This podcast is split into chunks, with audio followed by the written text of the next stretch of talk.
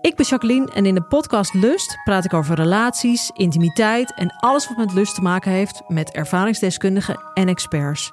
Of je nu in een relatie zit, single bent of iets daartussenin, Lust is de podcast voor jou. Overal te beluisteren, dus ook in jouw favoriete podcast-app.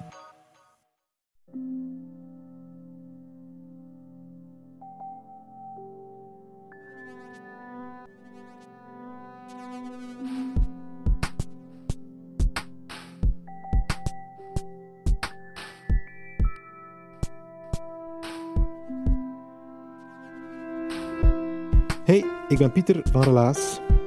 In Relaas hoor je waar gebeurde verhalen en die worden verteld door de mensen die ze zelf hebben meegemaakt. En die ze kunnen navertellen natuurlijk, ook belangrijk. Zeker bij dit relaas van Katlijne. Het heeft niet veel gescheeld of ze kon het hier niet met ons delen. Maar nu dus wel en ze doet dat vanuit haar living.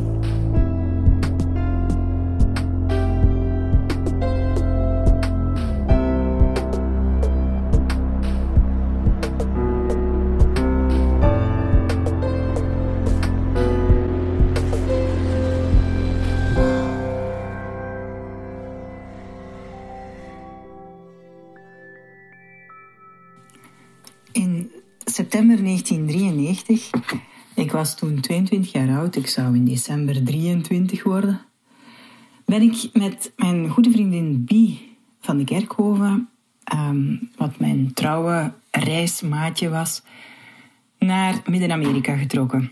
De reis was via Mexico, Cancún, naar Belize, Guatemala en dan heel eventjes ook nog een uitstapje naar Honduras. De reis verliep voorspoedig.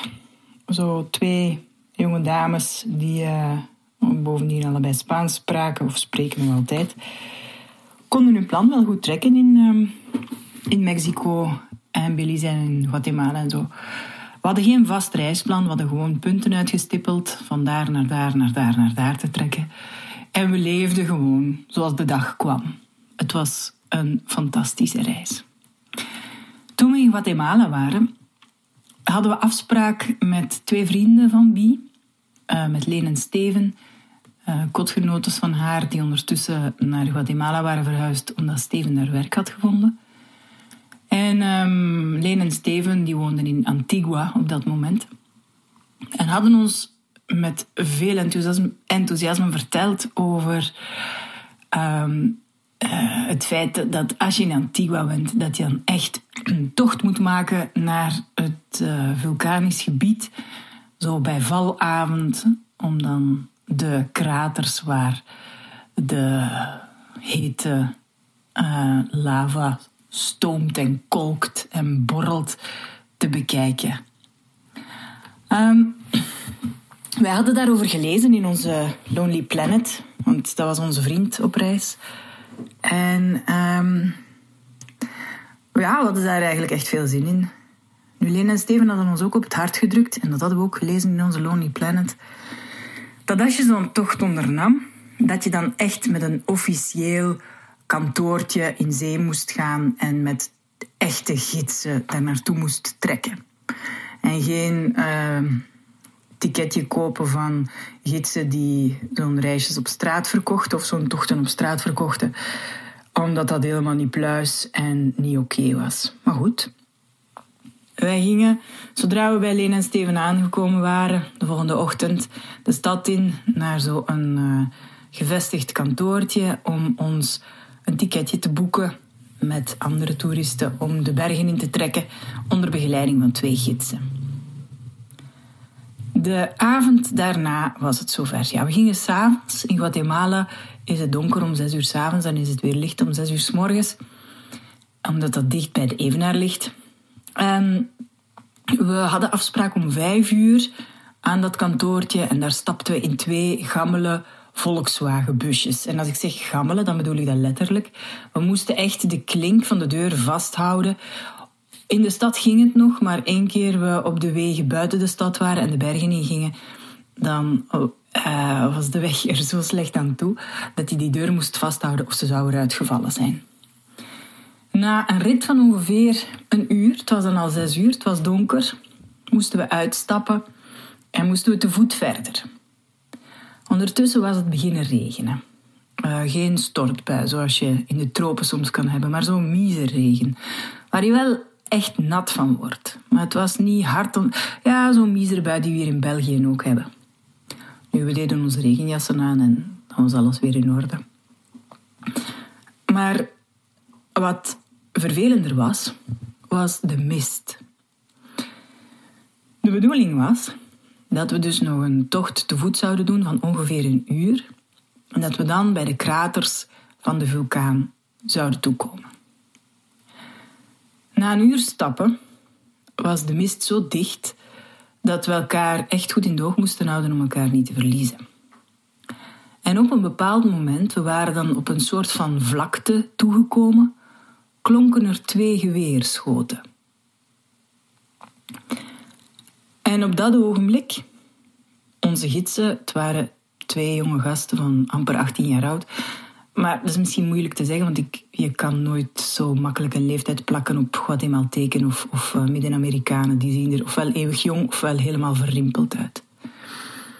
Dus maar laat ons zeggen dat ze zo ongeveer zo oud waren als Bie en ik. 22. Plots waren die weg. En wij stonden daar.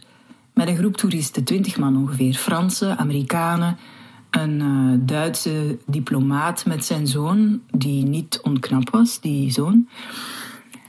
Um, en Bie en ik. En de gidsen waren dus echt weg, gewoon verdwenen. Niet te vinden. Ik kreeg zo'n heel raar gevoel in mijn maag. En ik had ook in mijn Lonely Planet gelezen dat vijf jaar eerder daar op die plek een groep Amerikaanse toeristen door de guerrilleros van het lichtend pad om het leven waren gebracht. En ik zei tegen Bie, Bie, we moeten hier weg, zo snel als we kunnen. Bie bevestigde dat. Zij had ook zo'n heel raar gevoel. En omdat we allebei uh, Engels, Frans, ik kan ook Duits en Spaans spraken, hebben we die mensen waar we mee op reis, alleen waar we die tocht mee gemaakt aan het maken waren, toegesproken en gezegd: Kijk, wij gaan hier niet blijven staan. Wij gaan te voet terug naar Antigua. En ik wist dat Antigua zuidwestelijke richting uit was. Ik heb altijd een kompas bij. Nu is dat niet meer nodig. Iedereen heeft een gsm en gps, maar toen nog niet. In 1993 uh, had ik nog geen beschikking over een gsm. En ik haalde mijn kompas boven. Um, we zeiden tegen de mensen om ook... Het was echt al pikdonker, het was mist. We zagen elkaar bijna niet van zuinig te zijn met de lampen. Per twee te lopen, handen te geven per twee. Want we stonden op een plek die aan weerskanten zwart geblakerd was. Vulkanisch gebied. Ik bedoel, waar de lava was overgestroomd en gestold. En dat is ongelooflijk hard en heel erg scherp, vol gaten en putten. En als je dan je voet daar uh, ja, in zo'n put, dan uh, schaaf je je been of je valt enzovoort. We wilden voorkomen dat er mensen gewond raakten. En Bie en ik, wij zeiden dus tegen die mensen, we waren bovendien de jongste van die groep, uh, van kijk, dat is ons plan, wij gaan gewoon te voet terug, we blijven hier niet staan, we gaan niet wachten, de gidsen zijn weg, dus we zijn nu aan ons lot overgelaten, we moeten het nu zelf doen. En iedereen ging mee. Uh, ik bleef staan, Bie ging voorop, zover als we konden in de mist. Ik hield, ik zei dan een beetje meer naar links, een beetje meer naar rechts, zodanig dat we echt zuidwestelijk aan het lopen waren. En als Bie dan een stuk vooruit gegaan was, dan volgde de groep. Ondertussen was het nog altijd aan het regenen. Het was acht uur s'avonds, pikdonker in een gebied dat ik helemaal niet kende. Ik had geen sterren of geen maan of er was niks. Ik kon de hemel niet zien. Ik had geen, geen oriëntatiepunt behalve mijn kompas. En natuurlijk mijn goede vriendin Bie, die uh, hoe dan ook in alle omstandigheden, uh, hoe moet ik dat zeggen, er is voor mij. Um, en ja, ik, ik, moest, ik moest daar weg. En het feit dat ik dat gevoel had dat ik daar weg moest, heeft mij, wie en die 18 andere mensen waar we mee op tocht waren, gered. En ik zal u even zeggen waarom. Maar eerst ga ik mijn verhaal verder afmaken. Dus we liepen door de nacht op kompas, heel traag. We vorderden traag, maar zeker. Door de mist, over gestolde lava. En op een bepaald moment, het was toen 12 uur s'nachts, we waren al van, van 6 uur s'avonds aan het stappen, kwamen we bij de boomgrens, bij de jungle. En ik wist dat in de jungle s'nachts lopen voor onervaren toeristen als wij dus dat geen optie was. Omdat er daar ja, vogelspinnen zitten, slangen waar je op kan trappen. Het is geen goed idee om s'nachts door de jungle te gaan. Je moet zien waar je voeten zet. Dus stelde ik aan de groep voor vandaar halt te houden en te wachten tot het licht werd. Dat hebben we gedaan. Ondertussen was de zoon van die Duitse diplomaat, dat dat een diplomaat was, heb ik pas achteraf gehoord ook. Ehm, die stond in volle bewondering voor mij. En die vond mij blijkbaar een hele aardige, leuke jonge dame. En die had een hele grote uh, waar ik de rest van de nacht onder heb mogen zitten om droog te blijven. Maar ondertussen was ik al zo nat. Uh, niet alleen mijn ondergoed was nat, maar het leek alsof ik zo van binnen, mijn maag, mijn lever, mijn darmen, alles nat was. Mijn handen waren verschrompeld als um, zo'n spons. Uh, ja, het, het, het was eigenlijk verschrikkelijk. Maar die nacht, bij de boomgrens, zittend op gestolde lava, was ik heb daar geen herinneringen aan. Ik weet dat ik onder die regencape zat. En ik weet op een bepaald moment, om kwart over vijf moet het geweest zijn. Ik had eigenlijk geen horloge, maar zoiets. In Guatemala kan je de klok erop uh, vastzetten dat het dan licht wordt. Werd het licht. Maar zo die drie kwartier dat het echt voluit licht was tot zes uur s ochtends, waren de langste drie kwartier van mijn leven. En dan recht staan. Na een nacht lang in de regen gezeten tegen hebben en, gekleumd.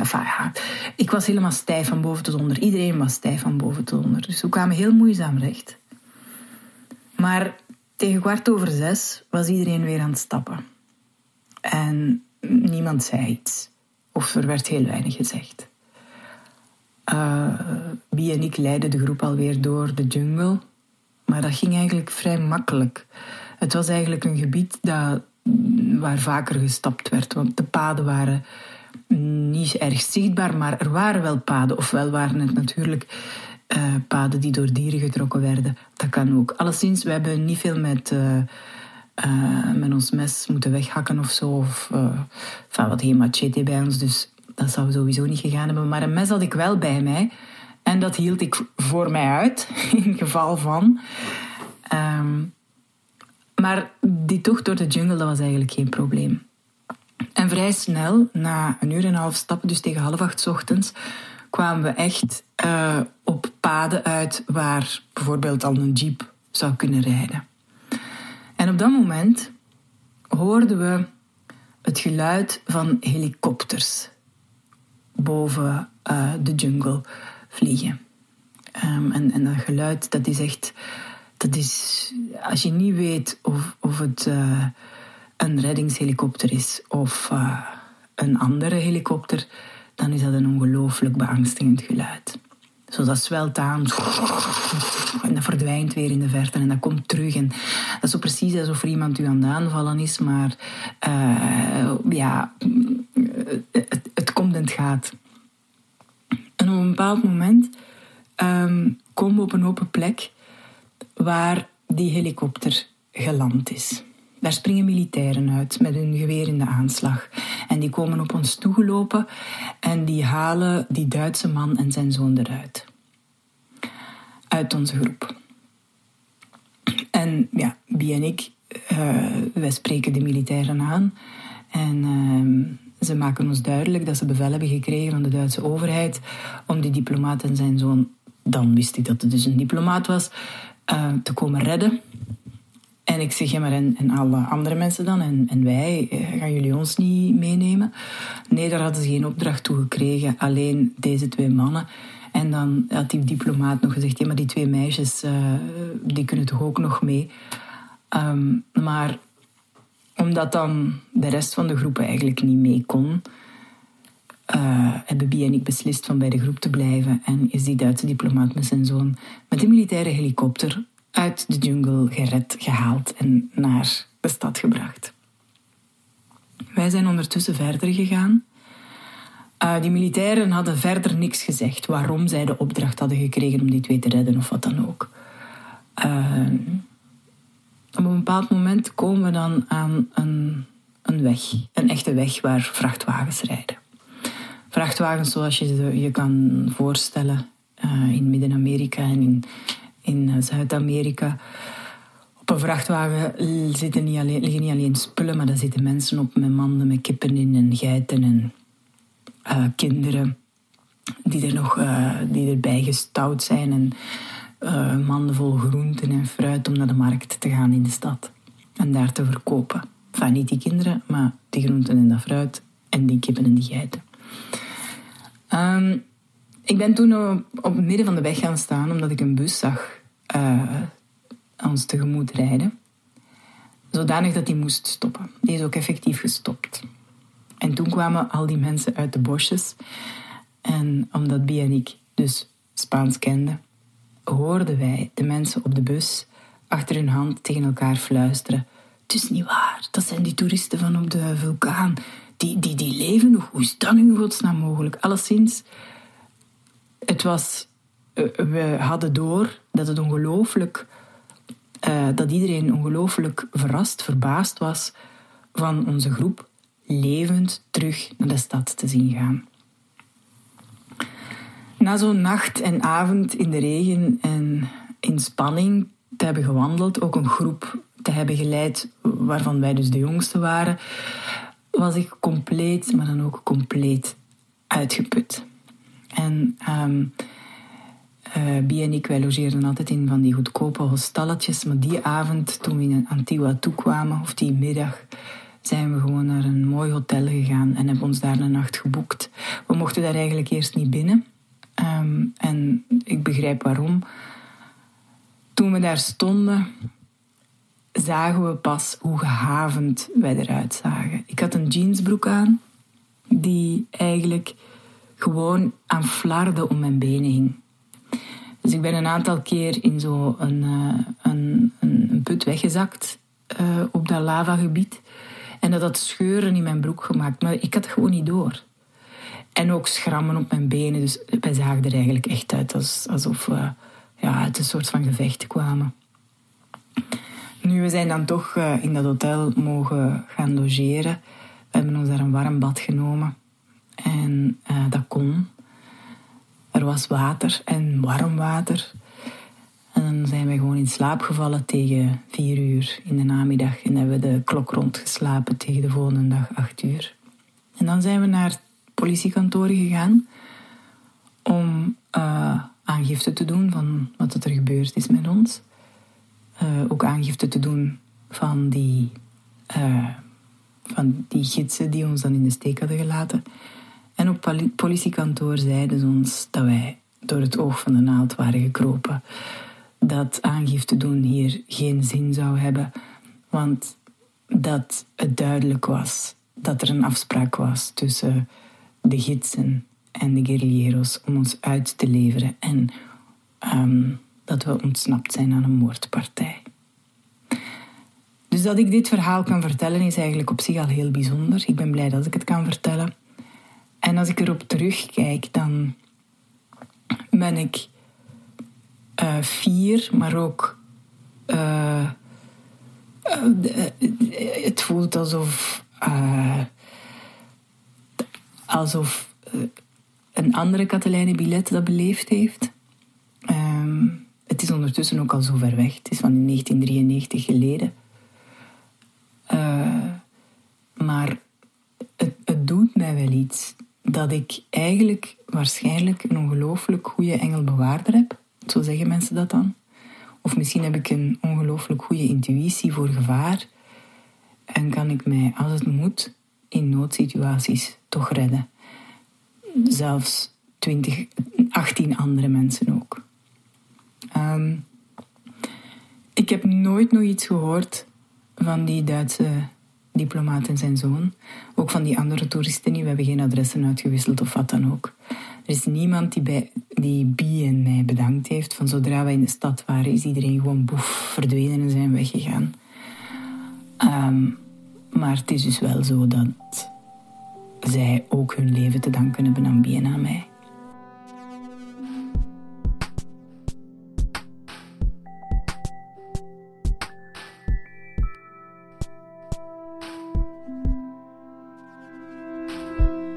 Dat was het relaas van Katelijne. Ze heeft het verteld voor de microfoon van Alvaro. Dat is een van onze relaascoaches. Ik ben blij dat alles goed gekomen is met Katelijne. Ze is een hispanofiel, dat wil zeggen dat ze houdt van Spanje en van Zuid-Amerika. Ze is ook een zangeres, ze zingt, ze danst op tango. Mooi verhaal, dankjewel. Wij zijn heel dankbare mensen bij Relaas. Ik ben toch in ieder geval heel dankbaar. Ik kan niet voor iedereen spreken natuurlijk, maar in de eerste plaats zijn wij dankbaar voor alle medewerkers van Relaas. De mensen die podcasts monteren, verhalencarousels organiseren, verhalen coachen, de microfoons ontsmetten en mooi installeren enzovoort. Jullie zijn echt zot. We zijn dankbaar ook voor jullie, onze luisteraars. Jullie zijn opnieuw met bijna 10.000 elke week na onze coronadip van een paar weekjes. Blij dat jullie weer volle bak trams nemen en bussen en treinen nemen en daar naar podcasts luisteren. Doe je ons nog een pleziertje? Als ieder van jullie het verhaal dat je net hebt gehoord aan één iemand doorstuurt, dan komt dat goed met onze luistercijfers. Toon het eventjes aan de mens die recht tegenover jou zit op de trein, of onderbreek jouw fitnessbeurt en toon het aan de puffer naast jou. Je zal er ongetwijfeld een hele interessante conversatie mee hebben en wij houden er een nieuwe luisteraar aan over. En ik wil ook graag onze partners bedanken, de afdeling Cultuur van de stad Gent en die van de Vlaamse gemeenschap. En daarnaast ook Urgent, Den Hopzak, Pulp Deluxe, Huset en Chase. Zit je zelf met een soort verteldrang? Laat dan jouw verhaal kort in woorden achter op onze website. Je kan ook de korte versie vertellen op een van onze verhalen, carousels. We doen dat regelmatig op zondagavond en daar kan je al eens testen of het een goed verhaal is. En als dat zo is, dan gaat een van onze coaches met jouw verhaal aan de slag samen met jou om er iets moois van te maken. Dankjewel om te luisteren en tot gauw.